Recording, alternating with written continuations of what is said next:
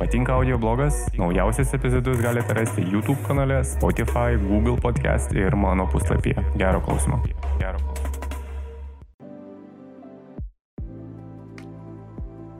Viena kilpa, dvi kilpos, trys kilpos. Jo, jo, kalbu apie žvejybinės kilpas. Arba apie mesgymo kilpas. Mm. Ne, kalbėsiu apie minties kilpas. O jau galvojot, kad numiriau. Keletą savaičių nepasirodžiau, galvojot, viskas nebėra manęs. Ne, buvau pasiemęs e, kūrybinės atostogas. Ir galvojau, kad va, čia nieko nekalbėsiu į mikrofoną, nes iš tikrųjų nebuvo noro.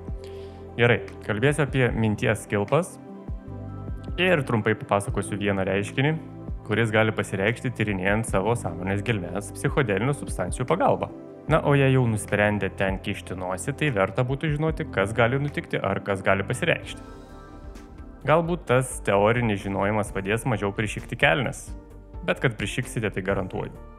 Aišku, perkeltinė prasme, neprisišiksit jūs iš tikrųjų. Asmeniškai pats esu tai patyręs keletą kartų ir vieną kartą teko dalyvauti reikale, kai kažkam kitam tai pasireiškė labai stipriai. Buvo ne ką. Taigi tas reiškinys vadinasi minties kilpa, Kas tai per reiškinys? Minties kilpa apibrėžima kaip įstrigimas į minčių, veiksmų ir emocijų grandinę, kuri kartojasi cikliškai. Šios kilpos paprastai trunka nuo keletos sekundžių iki penkių minučių. Tačiau kai kurie psichonautai praneša, kad jų trukmė yra iki kelių valandų. Tiesą sakant, pačiam nuspręsti, kiek tai tęsiasi, labai sunku. Nereikia pamiršti, jog beveik visos klasikinės psichodelinės substancijos arba pradangina laiką, arba stipriai sulėtina visą laiką mūsų atžvilgių. Laikas tiesiog mums nebeegzistuoja. Šis poveikis gali būti labai dezorientuojantis ir tai dažniausiai sukelia progresuojančio nerimo būsinę žmonėms, kuriems ši patirtis gali būti nepažįstama. Todėl, kaip ir sakiau anksčiau, pradedam prišikinėti kelnes ir panikuoti, kai nebesuprantam, kas vyksta. Ir tai galima vadinti e, tokiu reiškiniu kaip sveiki atvykę į blogos kelionės startą. Įspėjimas. Šio audio blogo turinys skirtas asmenims sulaukusiems 18 metų. Visa informacija yra patikta tik švietimo tikslais. Šis kanalas nerekomenduos vartoti ar naudoti legalias ar nelegalias psichodelinės substancijas. Psichodelinių substancijų vartojimas, laikymas ir pardavinėjimas yra baudžiamas pagal galiojančius Lietuvos Respublikos įstatymus. Kanalas nėra atsakingas už jokius jūsų nuožiūro priimtus sprendimus. Efektyviausias būdas nutraukti minčių ciklą yra tiesiog atsisėsti ir pabandyti paleisti viską. Ir aišku, neužmiršti giliai ir ramiai kvepuoti.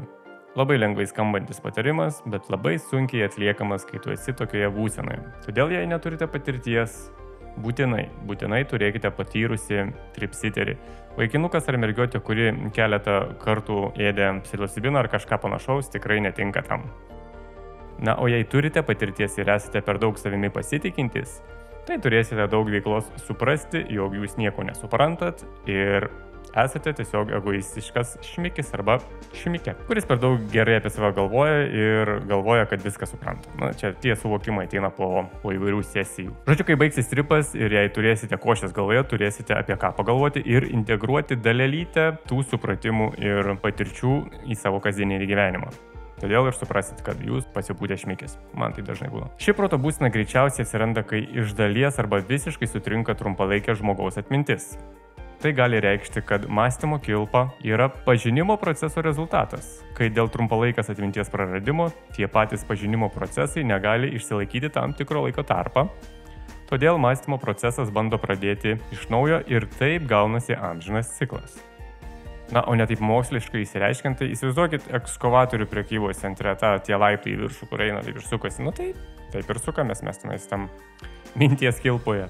Minties kilpas dažniausiai sukelia didelį kiekį halucinogeninių junginių, pavyzdžiui, psichodelikų ar disociatyvų poveikis. Tačiau jie taip pat gali atsirasti mažesniu mastu, veikiant labai dideliems e, stimulatorių ir benzodiazepinų dozėmis. Stimulatoriai tai būtų tie jau žymieji stimulatoriai, tai būtų kokainas ir amfetaminas, o benzodiazepinai tai ką, depresantai.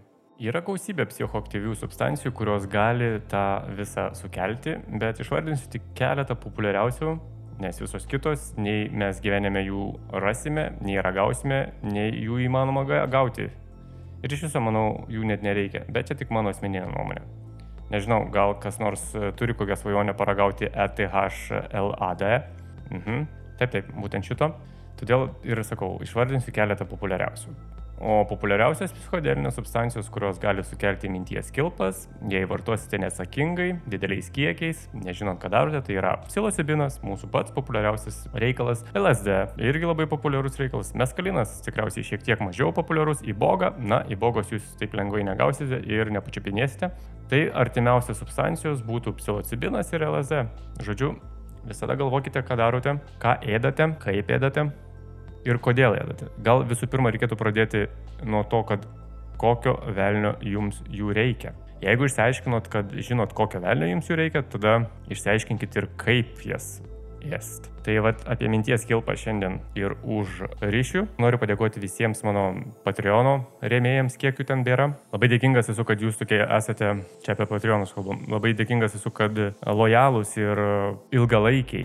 Prašau nesigėdyti ir naujus, aš visą laiką mielai lauksiu jūsų paramos per Patreoną arba Contribui. Didelis dėkui naujiems prenumeratoriams ir dar didesnis dėkui visiems seniems prenumeratoriams, kurie yra taip pat lojalūs. Ačiū už komentarus, kiek jų tenais yra. Ir ir labai tikiuosi, kad man galutinai nenusibos šitas projektas, ką aš darau. Nors niekada nežinai, kas bus. Arba aš labai vėl pradėsiu daug daryti kažko tais, kažkokiu epizodu, arba aš labai sumažinsiu. Nežinau.